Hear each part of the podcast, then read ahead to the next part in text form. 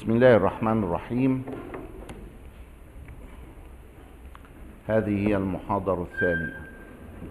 اتفقنا على الكتاب أن يكون الرسالة القشيرية أمرنا لله.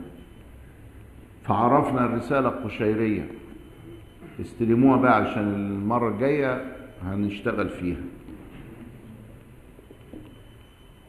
أكدنا على معاني معينة. التصوف لحماية مرتبة الإحسان وأن يعلمنا كيف نصل إليها وأنه مقيد بالكتاب والسنة.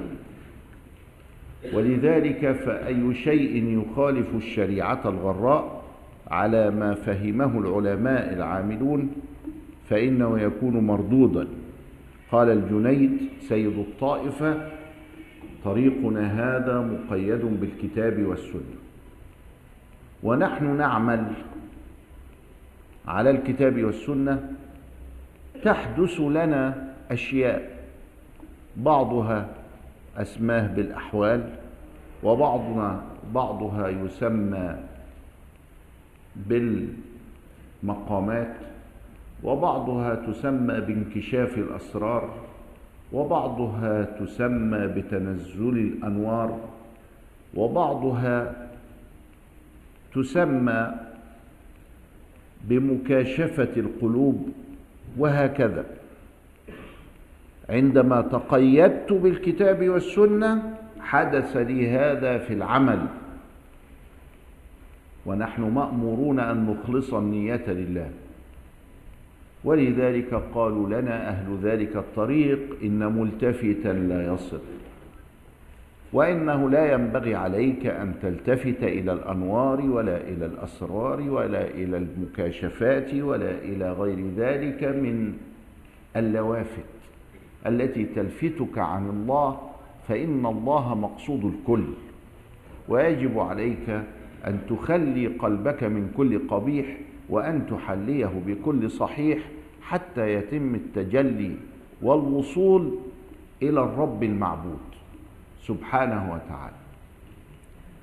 لما حدث هذا دخل الشيطان في أثناء التجربة البشرية فقام علم التصوف يحمي العابدين من دخول الشيطان ودسائسه ومحاولاته للتخليط والتلبيس وجعل مع العابد مفتاحا يستطيع به أن يفتح الخزائن ومعيارا ومقياسا كالمتر يستطيع به أن يقيس الأمور وأن يعرف الصالح من الطالح وما الذي يؤدي به إلى الانحراف عن الطريق وما الذي يؤدي به إلى السعي في ذلك الطريق. ولذلك فإن العبادة على غير علم التصوف تكون في خطر. لأنك تحرمه من أن يدرك هذه الأداة التي يستطيع بها أن يستمر على الكتاب والسنة.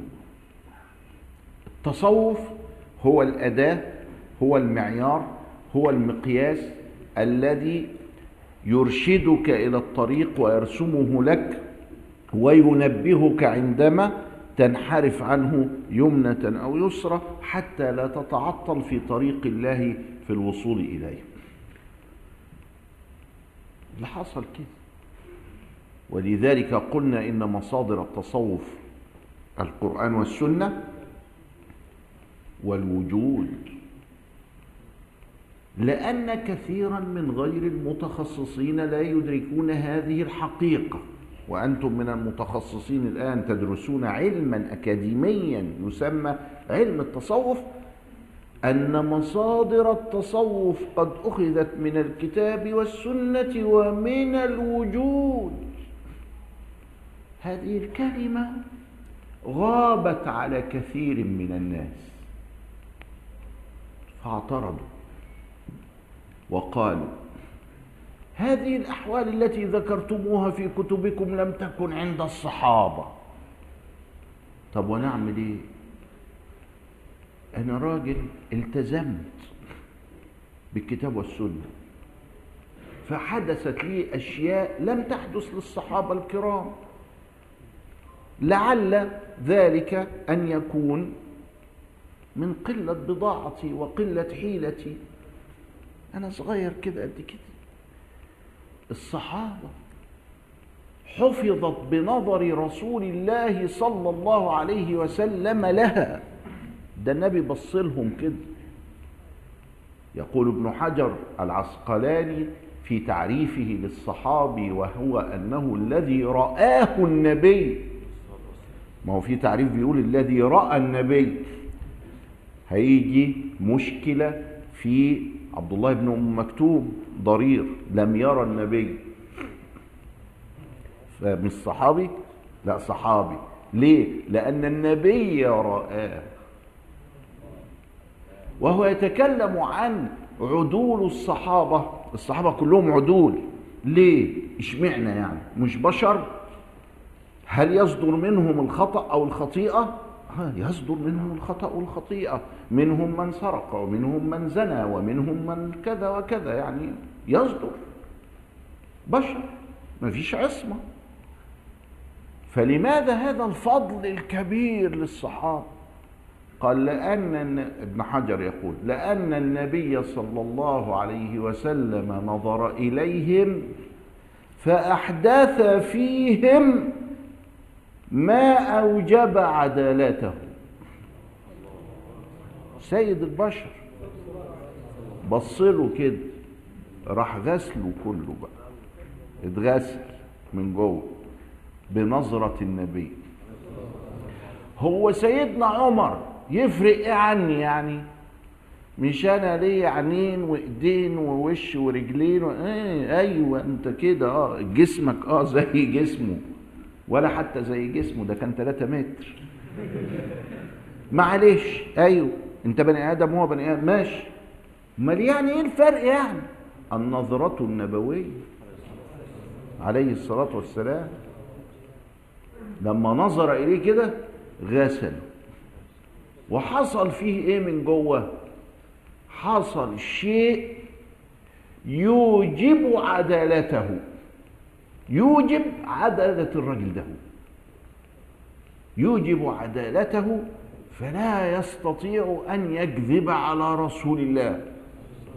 يوجب عدالته فهو مستعد أن يضحي بحياته في سبيل رسول الله. يحميه بجسده بروحه. ولذلك لما جاء سعد يحتضر أرسل له رسول الله صلى الله عليه وسلم وقال كيف تجدك يا سعد؟ قال بلغ عني رسول الله صلى الله عليه وسلم السلام وقل له يا رسول الله أشم رائحة الجنة. وهو بيموت شهيدا. شامم ريحة الجنة يا أخوان. وكان سعد بن أبي وقاص يقول وهو أول من جمع بين الأب والأم سيدنا رسول الله جمع قال ارمي فداك أبي وأمي. أول من جمع بين فداء الأب والأم لشخص هو سعد. فكان سعد يحب رسول الله.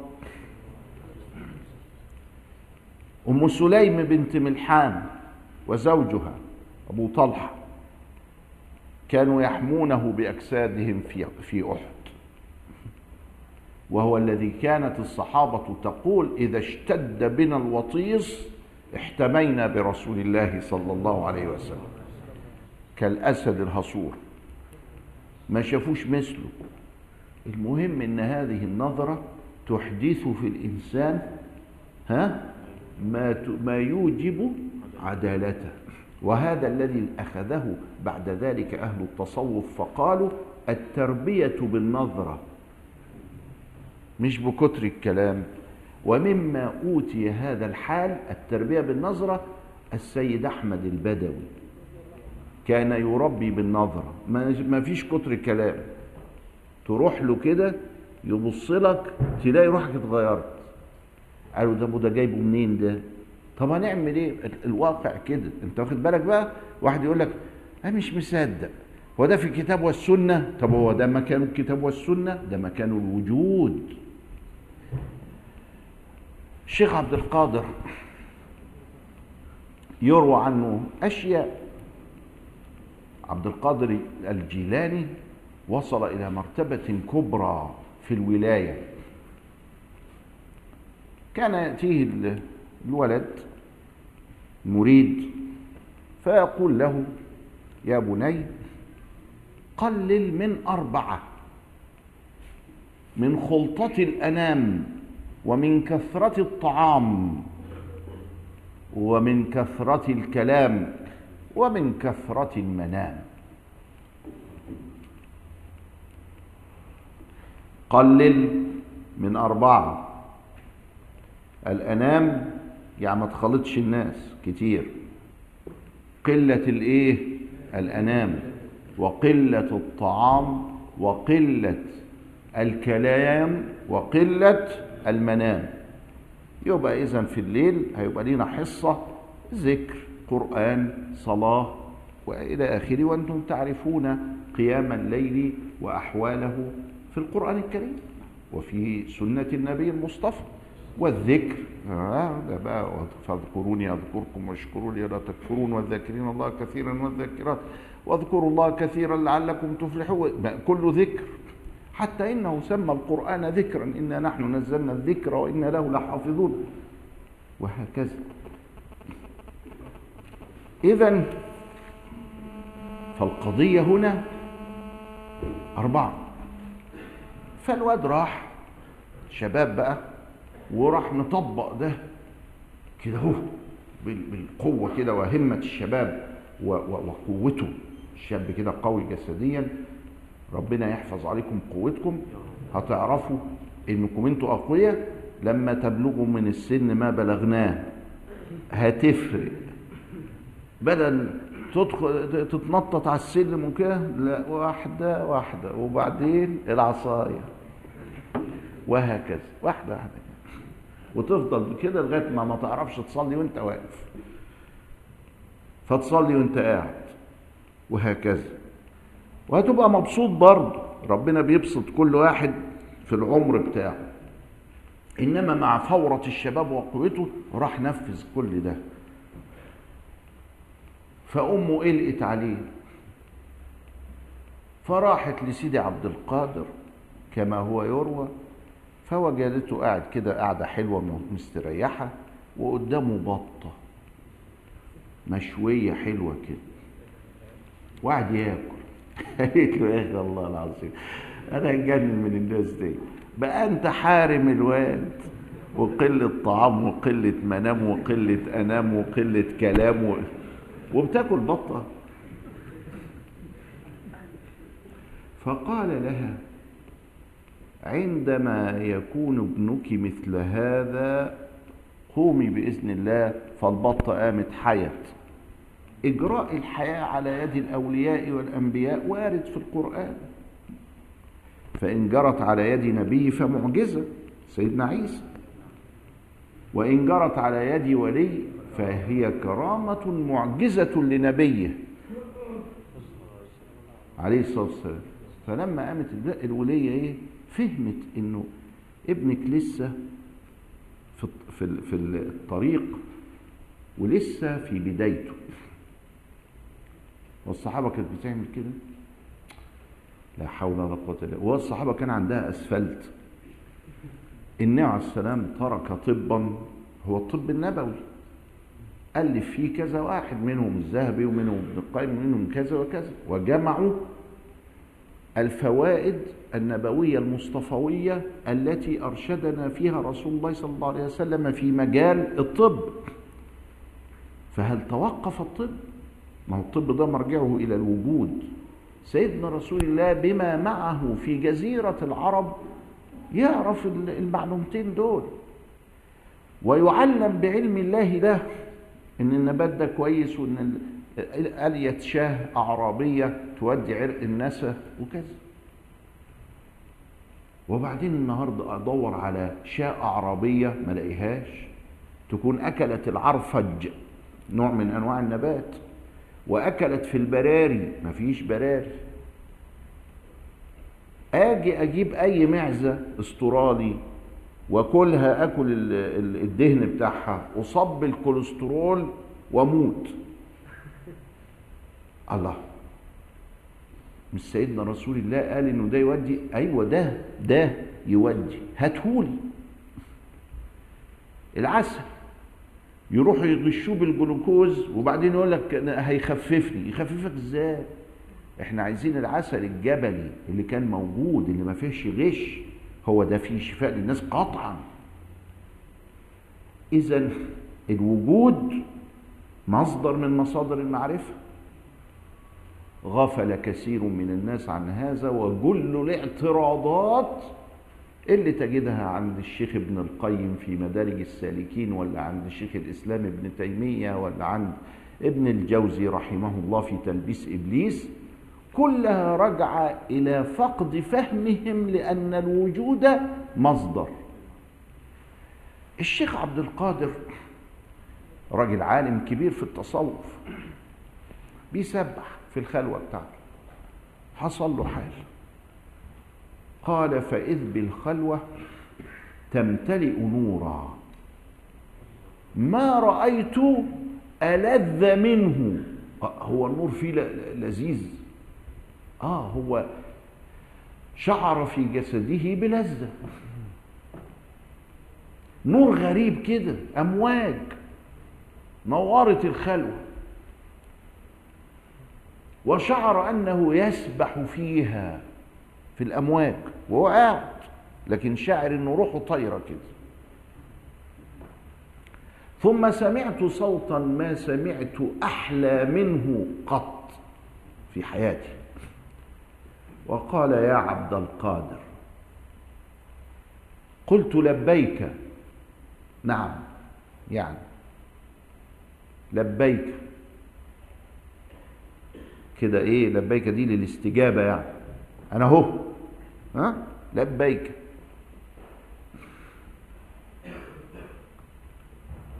قال لقد أحببناك. قال فذبت كما يذوب الملح في الماء. ابتدى بقى يشعر إنه ده ملك إنه ده ربنا بيكلمه بقى زي ما كلم موسى. في حاجة بقى وأحببناك قال ذبت كما يذوب الملح في الماء. وقربناك. قال فاقشعر جلدي.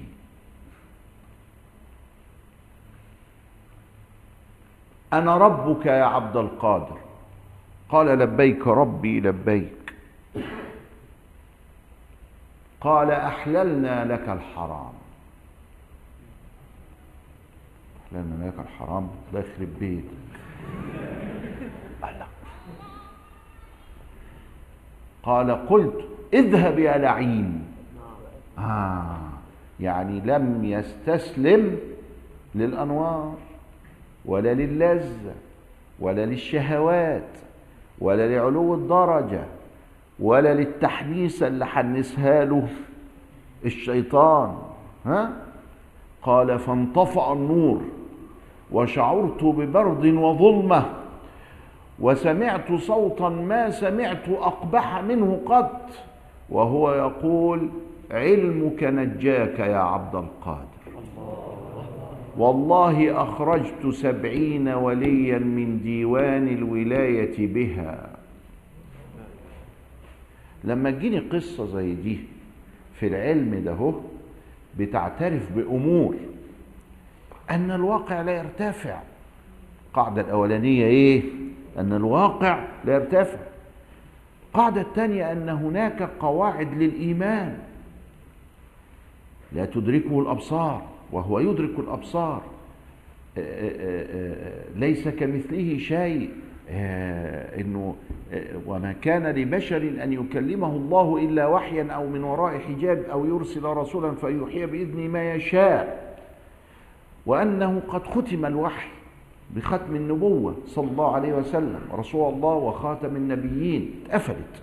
وأنه وأننا لا يمكن لم يسقط التكليف عن نبي قط. فكيف يسقط عن حتة ولي؟ كل القواعد دي هي المكون لروح ونفس وعقل وقلب عبد القادر. ولذلك عرف ينفد من الاختبار الصعب ده. فيجي لي واحد معقول يعني حصل كده؟ الله.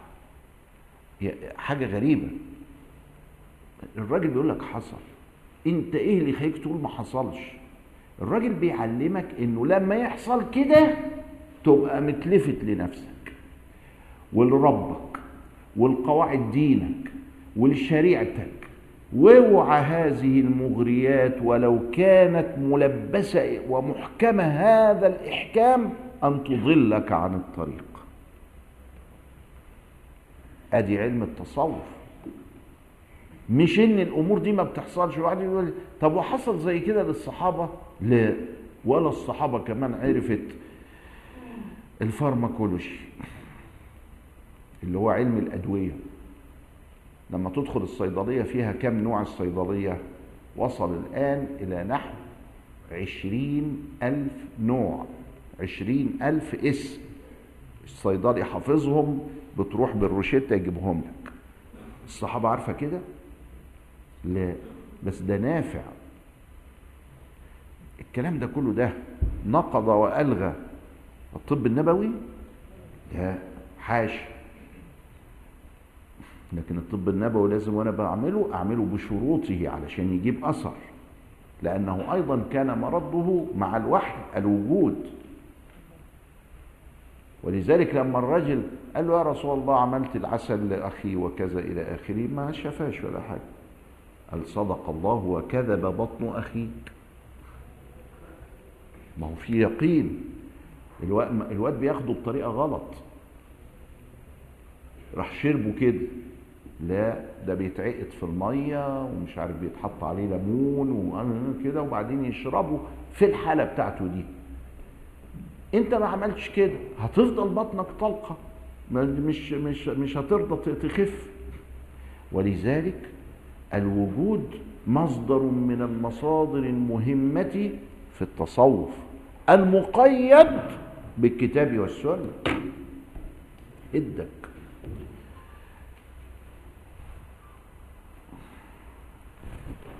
مقيد بالكتاب والسنة. اذا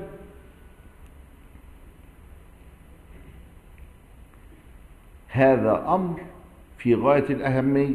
ليه؟ لأن عليه جل اعتراض المعترضين. مش واخدين بالهم. هل الصحابة قالت حال ومقام وكشف وسر لا ما قالتش.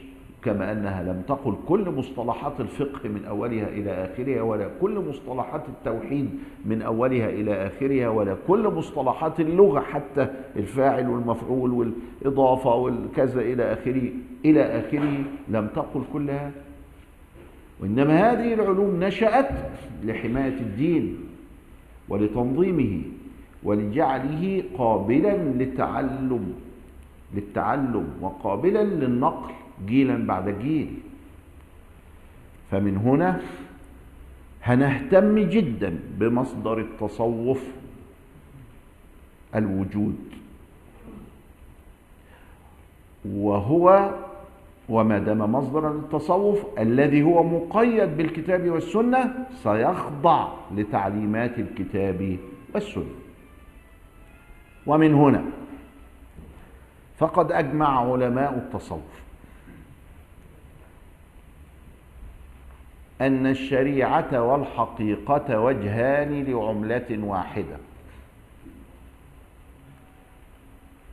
وأن من تشرع دون أن يتحقق فقد تفسق.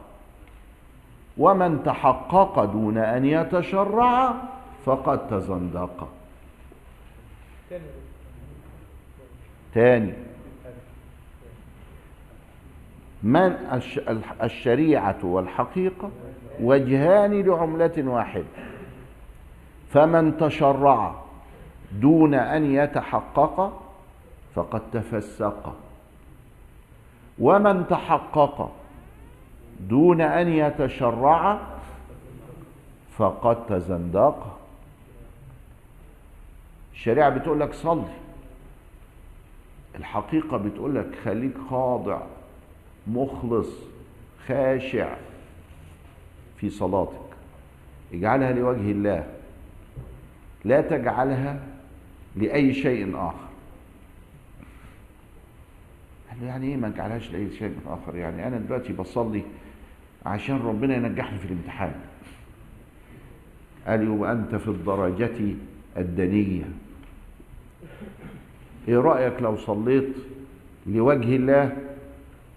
خالصا لله لا لغرض تتوخاه ثم تدعوه سبحانه وتعالى بما تريد. إيه رأيك لما تقدر كده؟ أنا مش عارف. كل ما أجي أصلي كل ما يجي لي الامتحان عايز أنجح. كل ما أجي أصلي كل ما تجي لي مسألة الأرزاق عايزها تتنشنش شوية.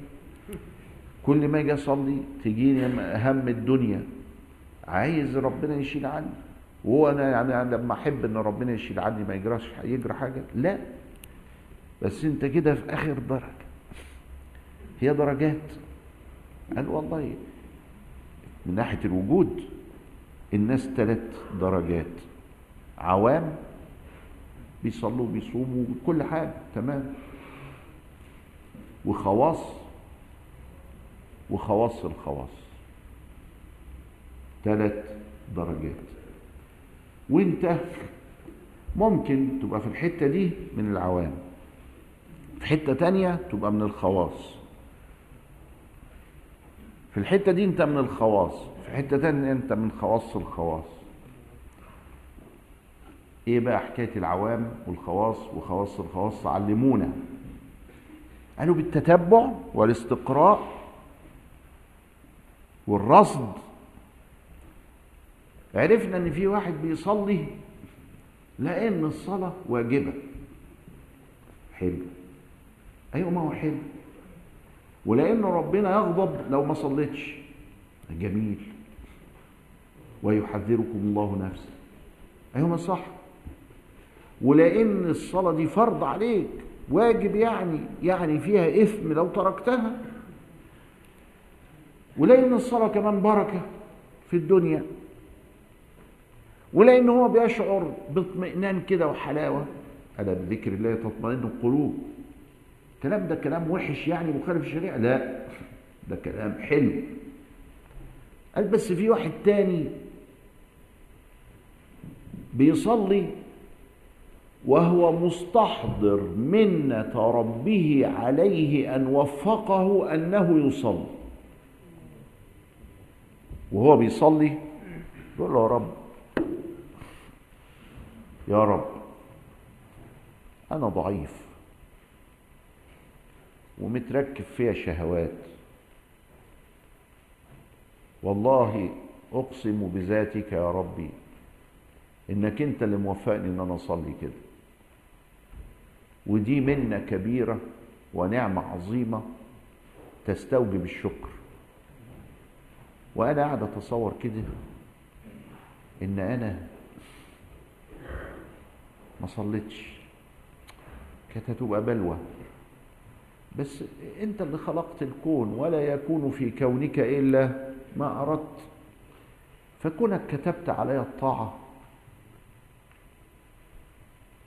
يستوجب ذلك مني الحمد والشكر والثناء الجميل عليك بما هو بما أنت أهل له. والمصيبة لو كنت كتبت على المعصية. كانت هتبقى مصيبة كبيرة قوي وهو واقف بقى ها لا بيفكر في طمأنينة ولا بيفكر في ثواب ولا بيفكر في عقاب ولا بيفكر في فرضية ولا ده هو متملكاه فكرة هي فكرة أن الله قد من عليه ووفقه ولم يخذله. بأن أجرى الطاعة عليه.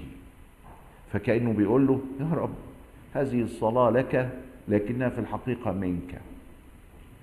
منك إليك. فالخواص دول عازلين نفسهم وبيتفرجوا على الدنيا بيتفرجوا عليها على أحداثها كأنها خارج منها بالرغم إن هو طرف فيها. فأي حاجة حادث يبص له من بره يقول ربنا سلط ده عليا أو سلطني عليه أو كذا أنا جندي من جنود الله وهكذا. خواص الخواص وهو مقام الأنبياء. يرجع مرة تانية زي العوام من إن هو يفهم مقتضيات الأمور في ذاتها مع تعلق قلبه بالله.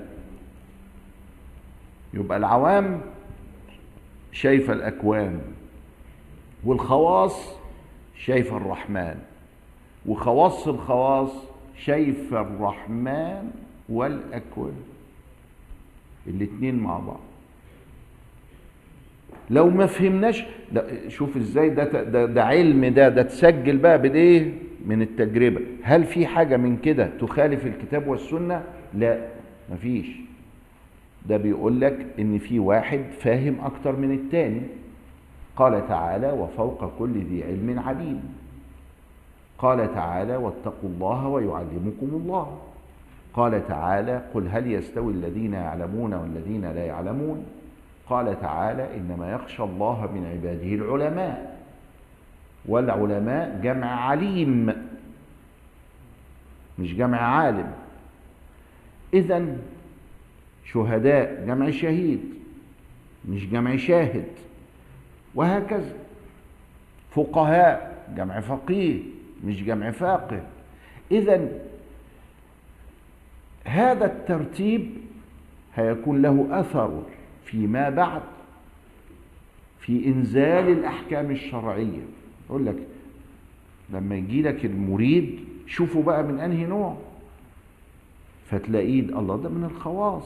فيبقى ترسم له البرنامج علشان يبقى خواص الخواص ترقيه ده من العوام ما تثقلش عليه بقى. وتأتي حكم ابن عطاء الله السكندري تشرح لك أنك ينبغي عليك أن تتحقق بما أنت فيه. ومتحاولش أن تنقل نفسك نقلة مش بتاعتك فتتشكك. لما تيجي تنقل نفسك وانت مش من أهل هذه الطبقة تتشكك فتعود مرة ثانية إلى درجتك أسوأ مما كنت. الله الناس دي بتعمل إيه؟ دي بترسم خطة للتربية. زي بالظبط الولد اللي في ابتدائي اللي عطينا له منهج ثانوي. فزهق من التعليم. أنا مش فاهم. الشيخ محمد عبده لما جاء من القرية إلى الأزهر جلس افتحوا يا أولاد بسم الله الرحمن الرحيم. الباء هنا للمصاحبة ولا لل... للاستعانة ولا للتبرك ولا هي زايدة. تعلقت بفعل ولا تعلقت بمصدر؟ عام ولا خاص؟ مقدم أو مؤخر ففيها ثمان احتمالات الباء فما فهمش ولسه جاي من البلد لا عارف عام وخاص ولا عارف مطلق ومقيد ولا عارف ابتدى مقدم ومؤخر ولا هو عارف استعانة وكذا وبعدين ابتدى يشرح بقى. لو كانت للاستعانة تستلزم الآلية. واسم الله منزه عن الآلية. لو كانت للمصاحبة يبقى تستلزم الإلساق. واسم الله منزه عن الإلساق. ولو كانت متعلقة بالمقدم فإن هذا ضعيف لأنها لو تعلقت بالمؤخر لكان أبلغ. مقدم إيه؟ ومؤخر إيه؟ هو عايز يقول اقرأ باسم ربي بسم الله الرحمن الرحيم. ولا أبدأ أدي ده العام بسم الله الرحمن الرحيم. اقرأ ولا قراءتي ولا ابتدائي؟ اسمه فعل يعني. مقدمة كده ولا نقول بسم الله الرحمن الرحيم؟ أقرأ بسم الله الرحمن الرحيم قراءتي بسم الله الرحمن الرحيم ابتدائي أو أبدأ. أخليها في الأول ولا أخليها في الآخر؟ طب هو ماله؟ ده شاب صغير جاي فلما تكسرت المعلومات هرب راح لخاله. فخاله رسمها له على الأرض. أدي الابتداء وأدي التأخير ويعمل قال طب ما بيقولوش كده ليه؟ فهمت. قال له هو ده. رجع تاني. فالمقصود إن التصوف بيرسم لي منهج للتربية. إذا افتقدته اتلخبطت ومعرفتش البرنامج إيه. زي بالظبط لما نمسك المنهج بتاع ثانوي نديه لابتدائي أو نمسك المنهج بتاع ابتدائي ونديه لثانوي. طيب تفر الكتاب كله دلوقتي كده وتقول خلاص عرفته. لأنك عرفته فعلا يعني بتاع أولى ابتدائي. والله تفره كده تفره كده. خلاص عرفته.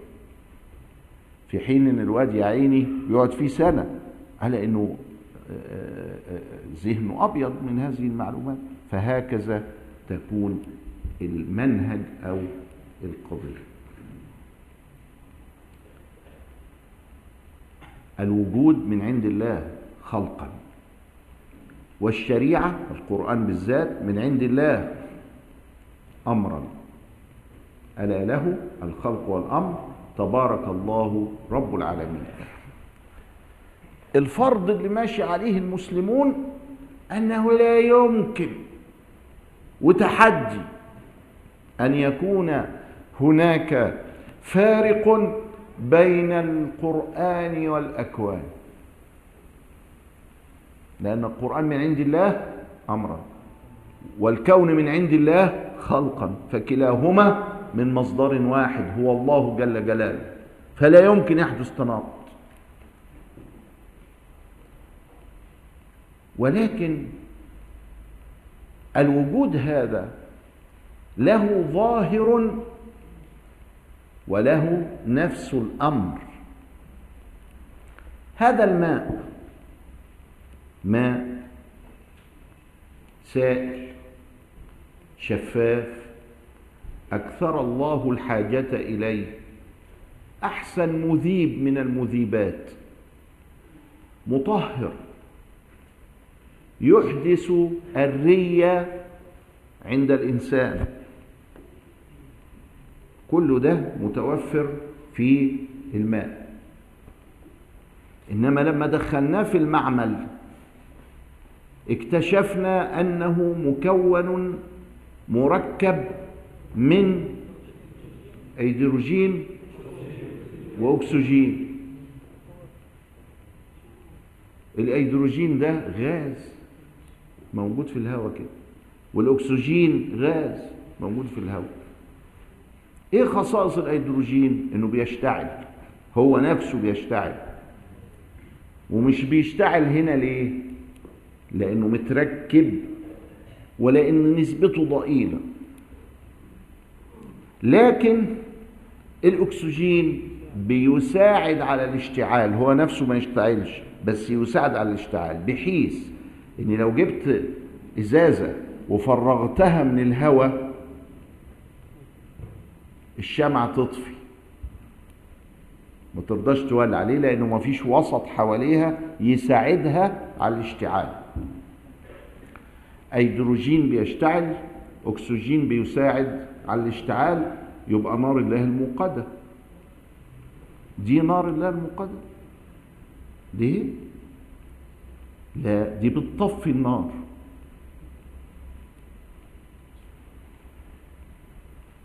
مش ده تناقض؟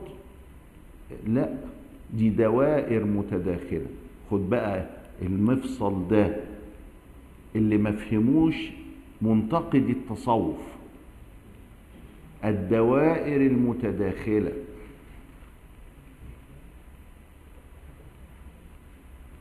الدائرة الأولى هي مية. عايزين نحللها؟ هتطلع هيدروجين وأكسجين. نار الله المقدس. عايزين ندخل أكتر؟ هنلاقي الهيدروجين ذرة حواليها إلكترون واحد والأكسجين ذرة حواليها 32 إلكترون. وندخل في النواة بتاعت الذرة دي نقسمها كده فتحصل القنبله الذرية. وتتحول إلى طاقة مدمرة أو طاقة سلمية لو عرفنا إن إحنا نصيدها ونخلي تمشي الدنيا بدل الكهرباء وبدل كذا إلى آخره. إيه ده؟ في حاجة متناقضة؟ لا. دي دوائر متداخلة. على هذا المثال يأتي الصوفي مثلا يعني فتنكشف له الحقيقة ان دي نار. أم بتاع الشريعة يقول له أنت كذاب لأنها مش نار. يقول له بس أنا شايفها النار ويتخانقوا مع بعض. العالم يعمل إيه بقى؟ يقول له ماشي دي نار وبعدين؟ دي إيه؟ نار. عايز إيه؟ قال عايز أقول إن أنا ما اتوضاش. قال له آه ابتدينا نكفر بقى. عايز تقول ان إن دي حقيقتها نار ولذلك أنا مش هتوضى بيه ولذلك أنا مش هتوضى بيها. دي بقى اللي ابتدت تخالف إيه؟ الشريعة. قال له آه أنت بتقول لي إنها نار؟ ماشي هي نار. تقول إلى النار يعني لكن ما تتوضاش بيها. آه هنا هندخل في الإيه؟ في المخالفة. ممكن واحد ما يكونش عالم في التصوف يكون سالك يعمل كده وهو ده اللي بوظ سمعة التصوف عند كثير من الناس. القول بسقوط التكاليف القول بأن هو يتوضى مرة واحدة في اليوم أو ما يتوضاش ده مش الشأن النبوي كده. تركنا على المحجة البيضاء ليلها كنهارها لا يزيغ عنها إلا هالك. وقال لنا الوضوء أحكامه إيه والصلاة أحكامها إيه والصيام أحكامه إيه وهكذا. أما زيادة الفلسفة دي فده لخبطة. دي نار فأنا مش هتوضأ. آه ابتدينا بقى نخرف بقى. ابتدينا ننقض الكتاب والسنة. ممنوع. شوفوا خطورة علم التصوف وشوفوا خطورة عدم دراسته. لا. مية آه. أنا لا أنكر الحقيقة مكوناتها نار آه. أنا لا أنكر الحقيقة تشتمل على ما لو شطرناه لدمرت الدنيا آه. أنا لا أنكر الحقيقة واخد بالك؟ ما أنا كله دي قاعد إيه؟ في السعي في الوجود. أكتشفها أكتشفها أكتشفها. ماشي. لا أنكر الحقيقة ولكن لا تكر هذه الدوائر على الدائرة الأولى الشرعية بالبطلان. فإذا لخبطت بين الإدراك وهو ممدوح كل ما ازداد علمك كل ما بقى ممدوح. لأنه أنت لما يزداد علمك بتقول إيه؟ سبحان الله.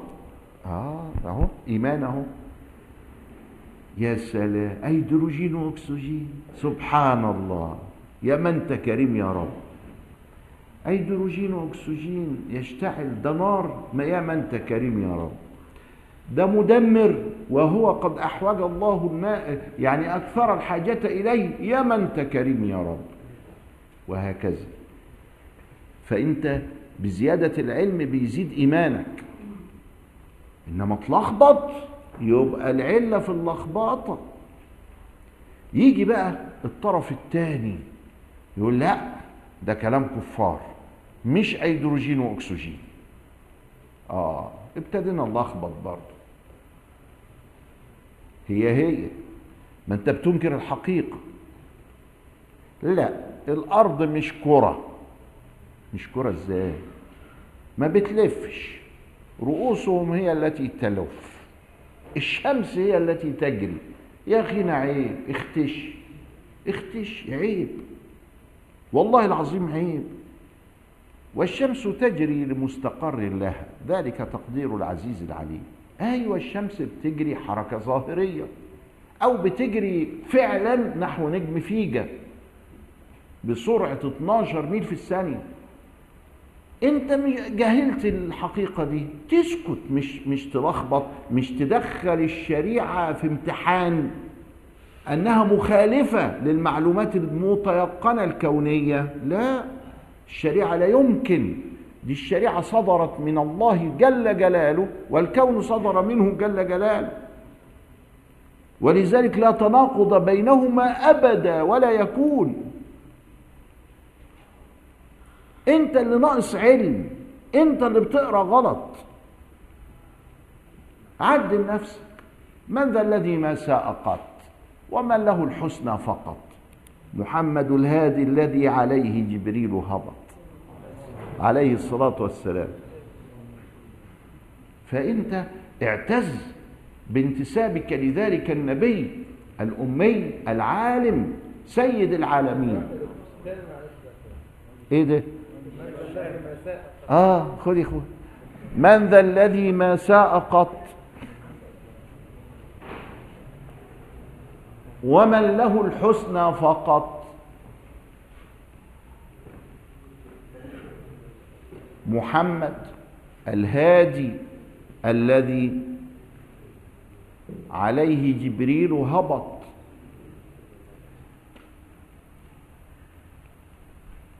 ومما زادني شرفا وتيها. وكدت بإخمصي أطأ الثريا دخولي تحت قولك يا عبادي وأن صيرت أحمد لي نبيا. فارفع راسك واعتز. نعم. ومما زادني شرفا وتيها وكدت بإخمصي. أطأ الثريا دخولي تحت قولك يا عبادي وأن صيرت أحمد لي نبيا. يعني إحنا مؤمنين بإله هو رب الأكوان لا إله إلا الله. ومؤمنين بنبي هو سيد هذه الأكوان صلى الله عليه وسلم. أنا سيد ولد آدم ولا فخر. ليس فخرا إنما إقرار للواقع. الواقع كده أنه سيد الأكوان صلى الله عليه وسلم. أهمية علم التصوف تظهر بأنه لا فرق ولا مناقضة ولا اختلاف بين الظاهر والباطن. وأنما هي على حد نظرية الدوائر المتداخلة. دايرة قبلها دايرة ندخل شوية نلاقي دايرة نلاقي دايرة نلاقي دايرة وهكذا. فلا تناقض. لأنك لو وضعت يدك في الدائرة الصغرى الداخلة فقد وضعت يدك في كل الدوائر. شوف إزاي. مثال الماء ده ينفتح لك به عقل متفتح. عندما يرد عن الحسن رضي الله تعالى عنه الحسن البصري أن تحت هذا البحر نار. تفهم يقصد إيه بالنار؟ وهذا عن طريق كشف الوجود. وعندما تقرأ لمحي الدين ابن العربي تجد أشياء غريبة انكشفت له منها دوران القمر حول الأرض. وذكر هذا في المجلد الأول من الفتوحات وأنه قد شاهده بعينه. إذا هذه المشاهدات والتجربة الإنسانية سنأخذها بشرط ألا تكر على الشريعة بالبطلان. فإذا كرت أبطلناها. لماذا؟ لأن فهمنا قد حدث فيه ثمة خطأ وخلط سبب هذا اللبس وهذا الكر. فأكون قد أخطأت. فلا بد علي أن أتوقف اكتشاف الوجود مستمر ما انتهاش. ولذلك كم ترك الأول للآخر. يقولوا كده. كان واحد بيقول ما ترك الأول للآخر. يعني الحمد لله إيه؟ العلوم كلها وصلت إلى نهايتها. قالوا لا العلم لا يعرف الكلمة الأخيرة لو رحنا بقى للقرآن هنلاقيه واقف مع أي الفريقين؟ وفوق كل ذي علم عليم. وقل ربي زدني علما. زدني انت وانت بتقول زدني علما. بتقولها كل يوم؟ آه. يبقى اذا كل يوم في إيه؟ الزيادة عند الاستجابة. ومعنى هذا أنه قابل للمزيد. ومعنى هذا أن العلم لا يعرف الكلمة الاخيره ومعنى هذا أن اكتشاف الوجود مستمر. وأن الله قد يفتح عليك بما قد خبأه لك عن سائر الأولياء. طب وتتعامل معاه إزاي؟ بالقواعد التي وضعوها. ملتفت لا يصل الله مقصود الكل. قال كنا نستحي من الكرامة كاستحياء البكر من دم حيضها. طريقنا هذا مقيد بالكتاب والسنة. طريقنا هذا مقيد بالذكر والفكر. كده. طريقنا مقيد بالتحلي والتخلي للتجلي طريقنا كده. القواعد دي كلها اللي إحنا قاعدين نقولها اللي هتربي مخك عليها هي دي اللي هت... هتقيس بيها. فلو جالك الأنوار القادرية دي على طول تعمل زي عبد القادر تقول له اذهب يا لعين. تضحك عليها. أيوه بس دي حلوة قوي في بقى استجاب يحكي عنهم ابن تيمية رحمه الله تعالى في كتابه الفرقان بين أولياء الرحمن وأولياء الشيطان. ويقول ومنهم من يظهر له عرش.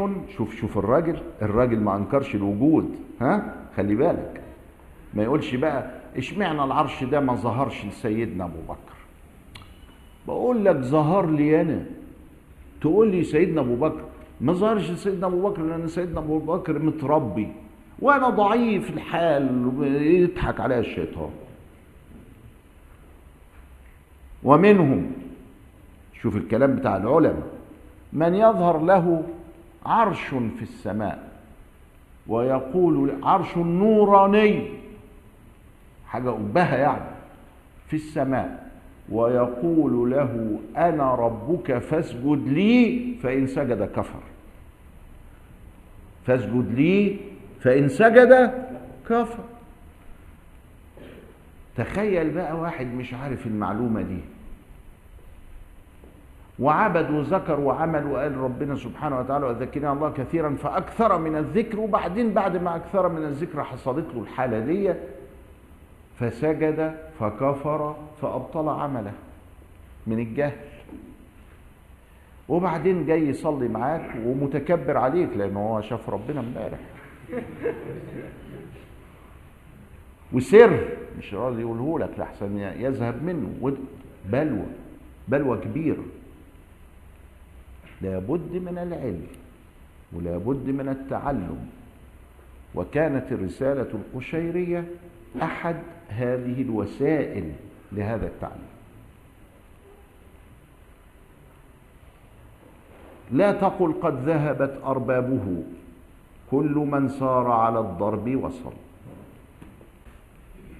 إذا لابد علينا أن نحرر مفهوم البدعة لأن كثيرا من الناس يتهمون أهل هذه الطائفة يتهمون أهل هذه الطائفة بالبدعة والنبي صلى الله عليه وسلم قال حديثا عده الأئمة الأعلام منهم الإمام الشافعي من الأصول التي بني عليها الدين من أحدث في أمرنا هذا ما ليس منه فهو رد قال العلماء قال من أحدث في أمرنا هذا ما ليس منه. ولم يقل من أحدث في أمرنا هذا شيئا فهو رد.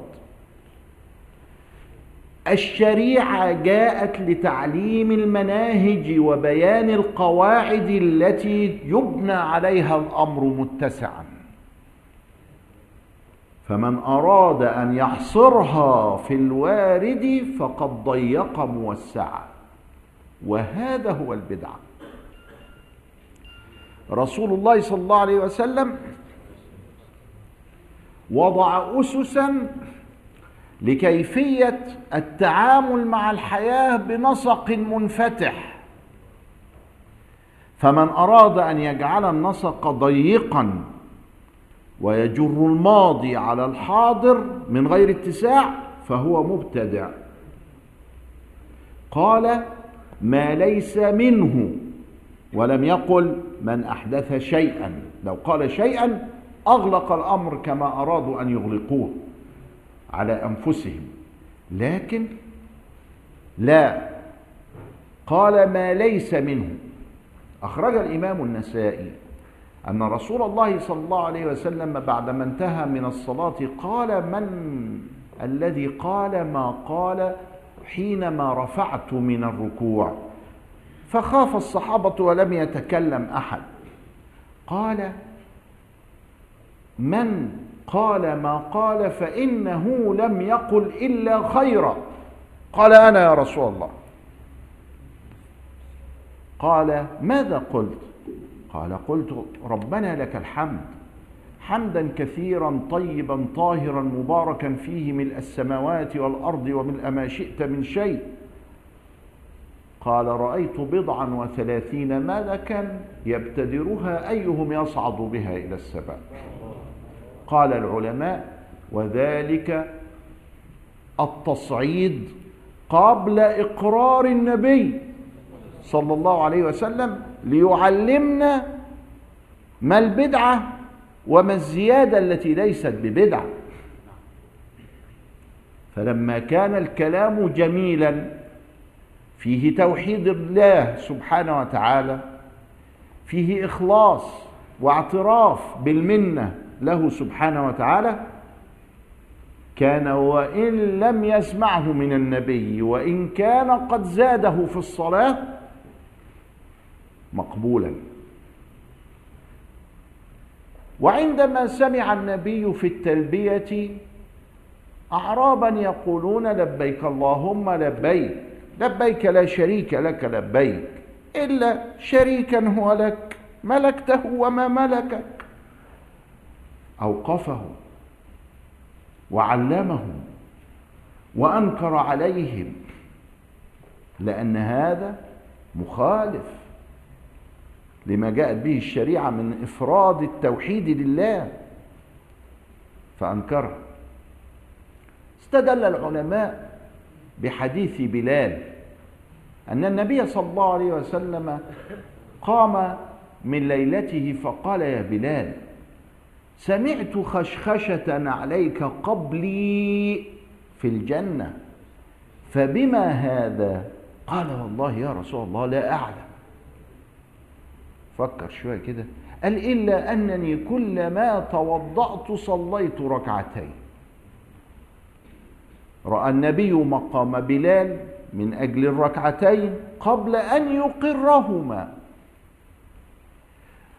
وهو لم يعلمها بلالا بل إن بلالا قد وفق بين الشريعة فرأى الوضوء شيئا حسنا والصلاة شيئا حسنا فجمع بين هذا وذاك من غير استئذان النبي صلى الله عليه وسلم ومن غير توقف فعله على إقرار النبي وذلك ليعلمنا كيف نعيش بنسق مفتوح في عالمنا حيث نفتقد رسول الله صلى الله عليه وسلم بوحيه وفضله المعروف العميم؟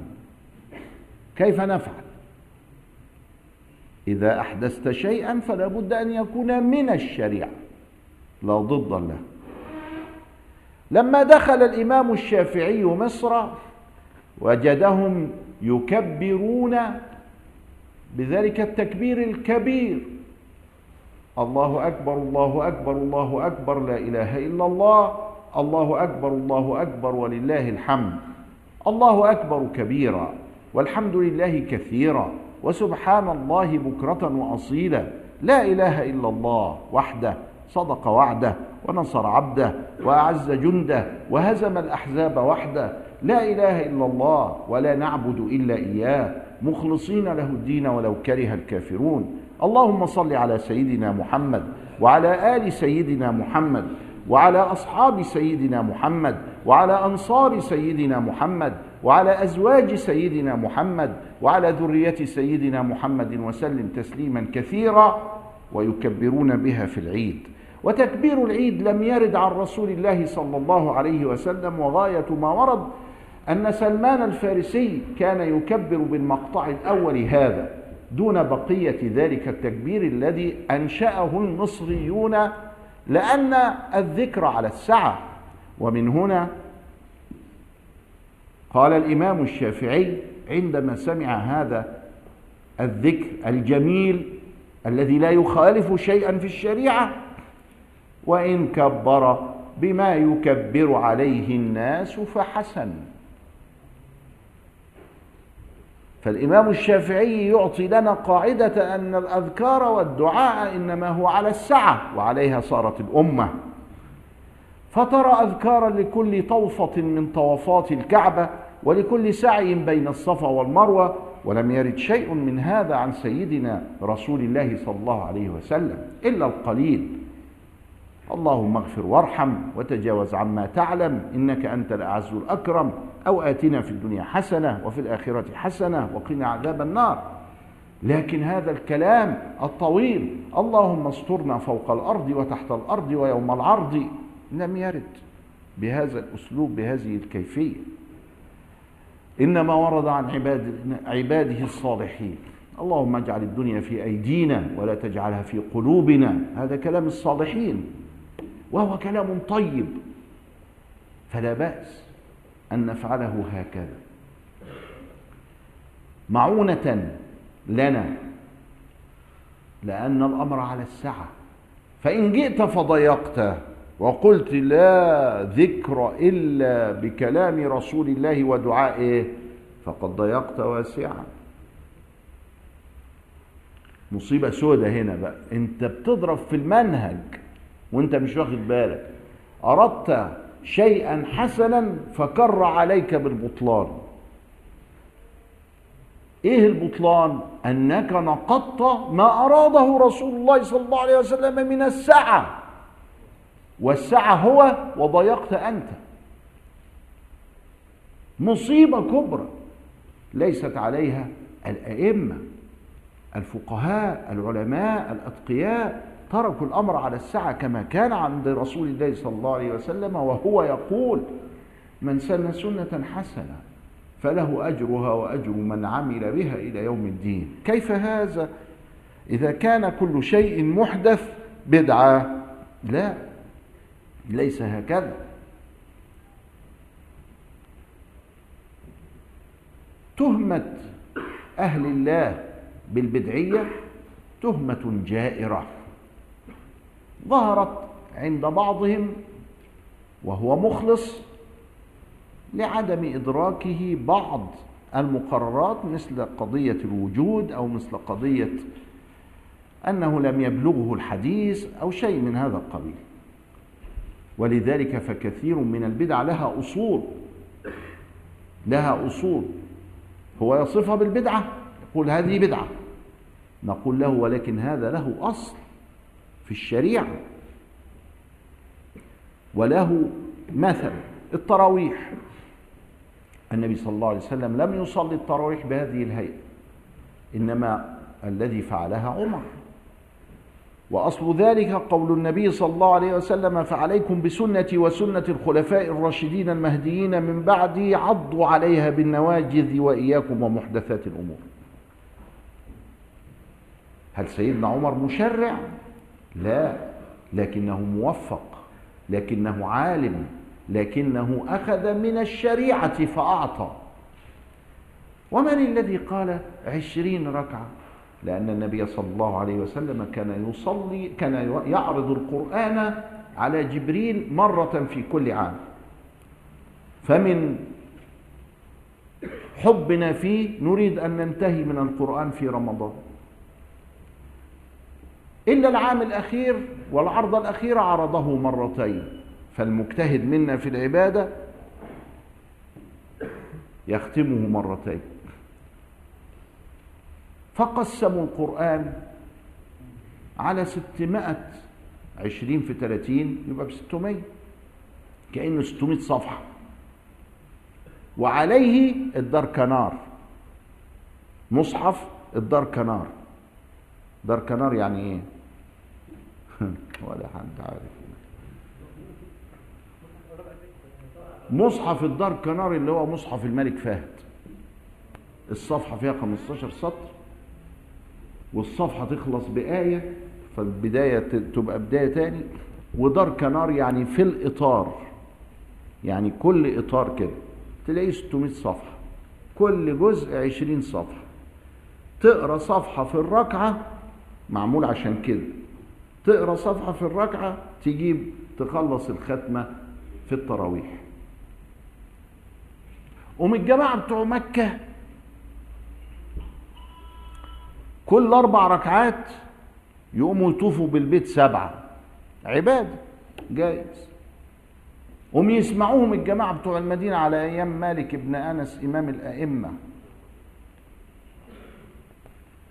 فيصلوا التراويح 36 ركعة. العشرين بتوع سيدنا عمر وأربع ركعات لكل طوفة من الطوفات اللي هناك. 16 وست وعشرين ستة وثلاثين صاحبنا بيقول بدعة. لا مش بدعة. ده فهم صحيح للشريعة. التصوف ينقسم إلى تصوف سني وتصوف سلفي وتصوف فلسفي. فالسلفي هو ما كان عليه أمر مالك والشافعي وأبو حنيفة وأمثال هؤلاء الأئمة السابقين المتبوعين.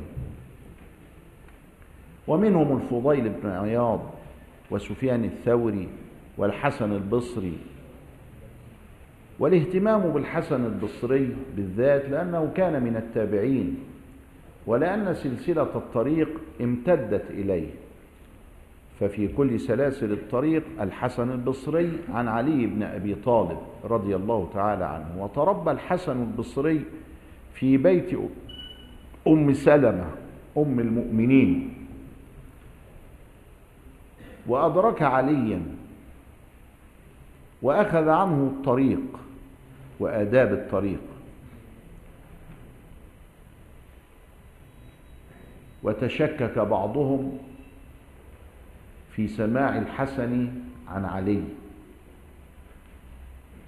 وألف المؤلفون في هذا القول الحسن في سماع الحسن يعني الحسن البصري عن علي حتى يتصل الطريق. فالحسن البصري استمع من علي. وألف الشيخ أحمد بن الصديق علي بن أبي طالب إمام العارفين.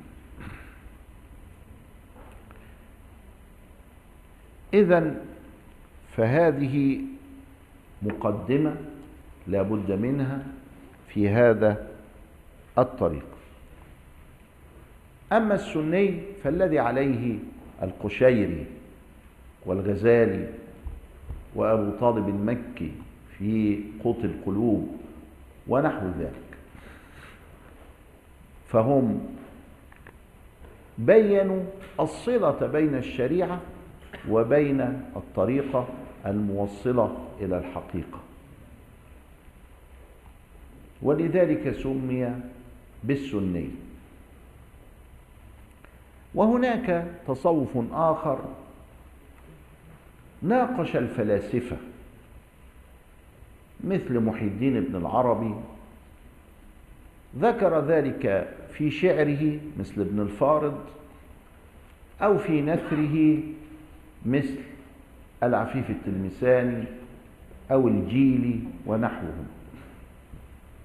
منهم من كتب بالعربية ومنهم من كتب بالفارسية ومنهم من كتب بالتركية مثل السعدي في الفارسية ومثل جلال الدين الرومي في التركية. لكن كل هؤلاء مقيدون بالشريعة. فجلال الدين اهتم بقيمة الحب.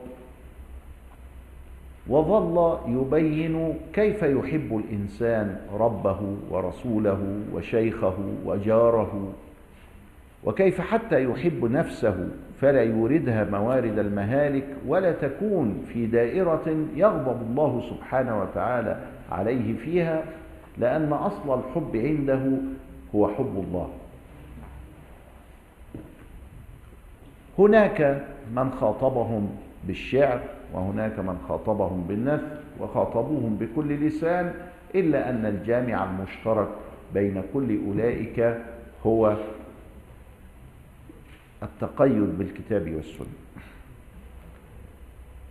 السلفي والسني والفلسفي هي اختلاف المجالات وليست التضاد. فالسلفي يهتم بالعمل والسني يهتم بالربط بين الكتاب والسنة وبين السلوك والفلسفي يهتم بالأفكار التي ترد على أذهان البشر كيف نعالجها في ظل هذا الطريق. يسأل سائل وكأنه قد خطر بباله قضية أسماء الله الحسنى ويقول نرجو أن تلخص الخلاف الدائر في هذه الأيام حول أسماء الله الحسنى فهناك بعضهم هو كاتبها البعض غلط ينفون حوالي وهي غلط إنما نقول نحو لأن حوالي يعني حواليها كده واحد وعشرين اسم من أسماء الله الحسنى.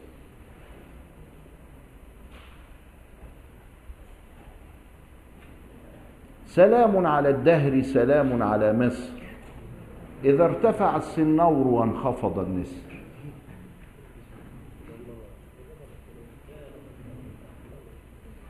سلام على الدهر سلام على مصر. إذا ارتفع السنور وانخفض النسر.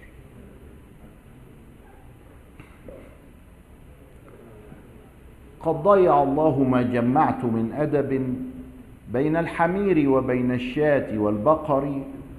لا يفهمون لقوم لا يسمعون لقول قد أجيء به. وكيف يسمع الأنعام للبشر؟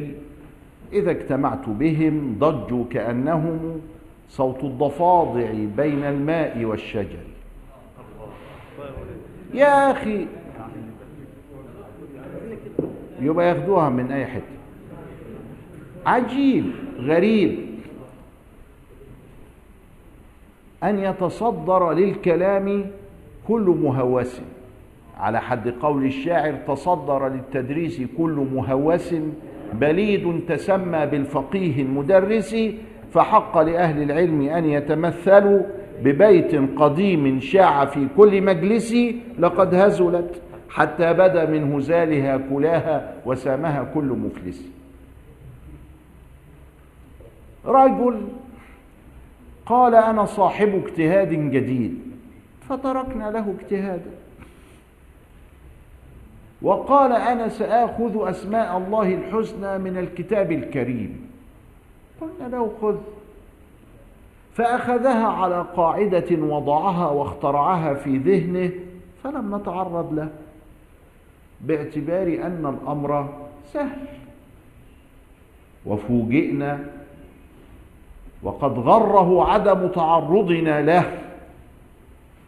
ومسح كلامه بالكلية من ديوان العلم. ينكر الوارد المستقر الشائع المجمع عليه في الأمة. يعني نحن ظننا أنه سيأتي بقول يكتفي فيه لنفسه ويكون قولا من الأقوال خاصة وأنه قد أراد أن يلتزم بما في ذهنه وظنه من أسماء لله قد وردت في القرآن فلا بأس عندنا.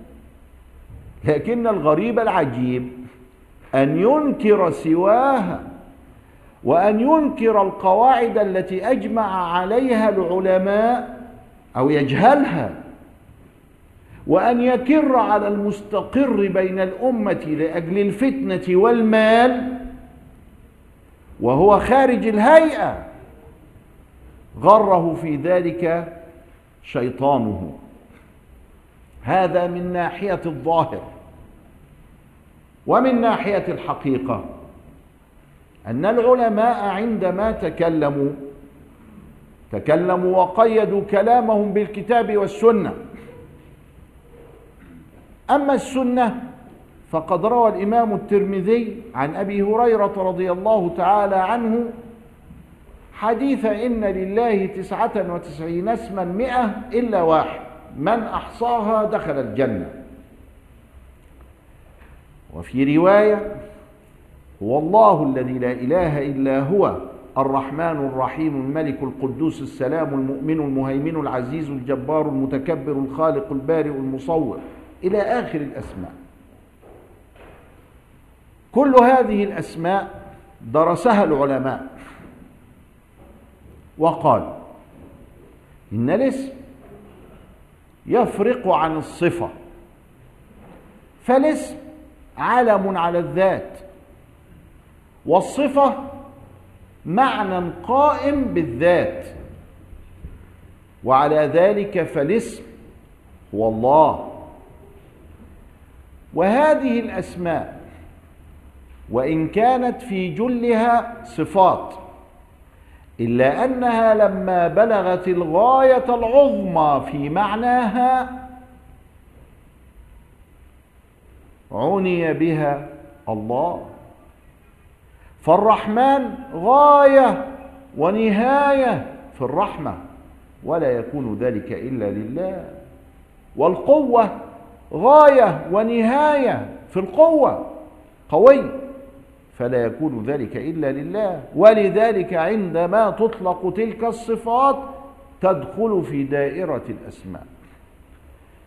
فميزوا أولا بين الاسم والصفة ثم نقلوا الصفة على سبيل النقل المعروف في لغة العرب من دائرة الصفة إلى دائرة الاسم لتمام المعنى فيه. فلا يستحقه إلا الله. وقالوا إن هذه الصفات ينبغي أن ترد مادتها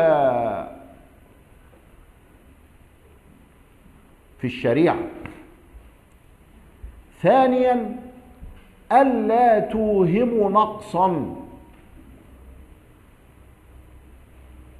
ثالثا أن تنشأ في الصفات ثم تنتقل إلى الأسماء. ولذلك غرض ومعنى. ثلاثة شروط. تكلم عنها الرازي وتكلم عنها الغزالي وتكلم عنها تكلمت الأمة عنها الحديث الوارد من رواية الوليد بن مسلم من طريق أبي هريرة رضي الله تعالى عنه في الترمذي. وهو المحفوظ الشائع الذي حفظته الأمة عبر الأجيال. كله موجود في القرآن إلا الاسم أو الاسمين فموجود بالمعنى. موجود في القرآن. إما بلفظه مثل هذه الستة عشر الموجودة اللي تلوناها أو بفعله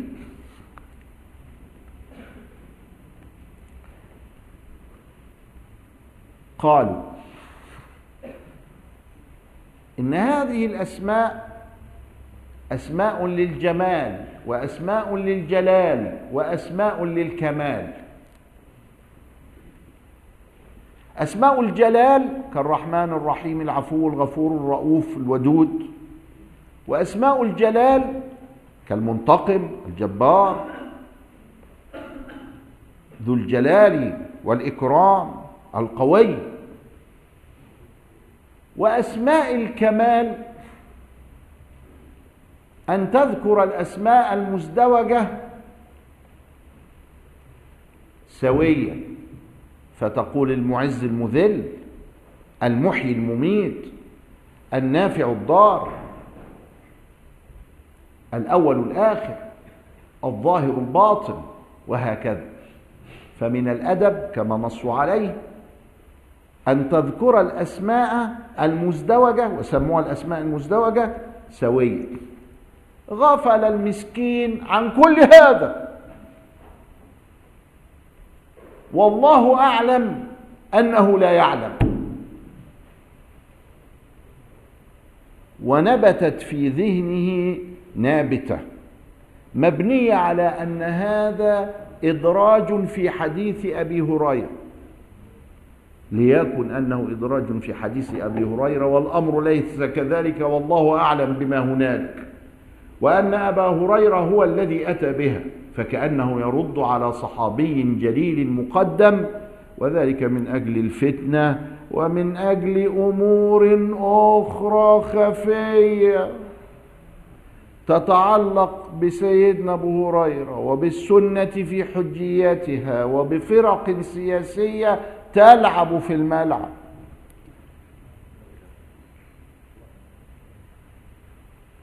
فماذا يعني ناقصين مشاكل ومشكلات حتى نفكر في هو ما هو المستقر؟ هذه بدعة بدعة ولدت من أجل شغلنا. ومن أجل شغل بال المسكين ومن أجل أن نقتطع جزءا من وقتنا للرد عليه. ما هو نجح كده. خمس مجلدات ده عامل خمس مجلدات. يثبت فيها باطلة. ولكن غاب عنه الاسم المزدوج وغاب عنه أن النافع الضار المحيي المميت المعز المذل تذكر سويا. وأنها غاب عنه أنه من باب أسماء الكمال. وغاب عنه وغاب عنه وغاب عنه وجاء يخرج مثل الخارج ليملأ الأرض رائحة كريهة. فتجاوزوا عن هذا ودنت معاكم شوية قواعد هي وأسس. الفرق بين الاسم والصفة شروط. وصف الله سبحانه وتعالى بصفة من صفاته. نقل المسألة من دائرة الصفات إلى دائرة الأسماء لكمال وعلو المعنى فيها. تقسيم الأسماء التي منها الصفات طبعا إلى جمال وجلال وكمال.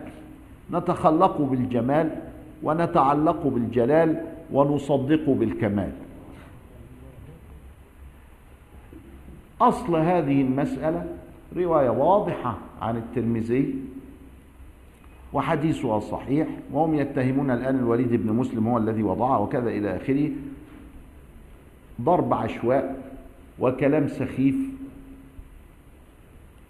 لا يرقى إلى الرد عليه الحقيقة لكن هي مقصد هو إثارة الفتنة المستمرة بين المسلمين وإظهار الخلافات وأن أن علما ما قد فقد وأنهم هم الذين اكتشفوه وأنهم أعلى حالا من الصحابة فلعنة الله على الظالمين.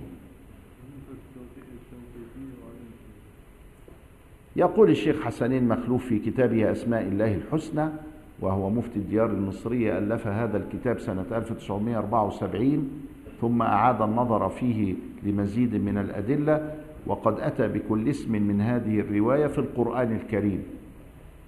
يقول وأجمع المسلمون أن أسماءه توقيفية.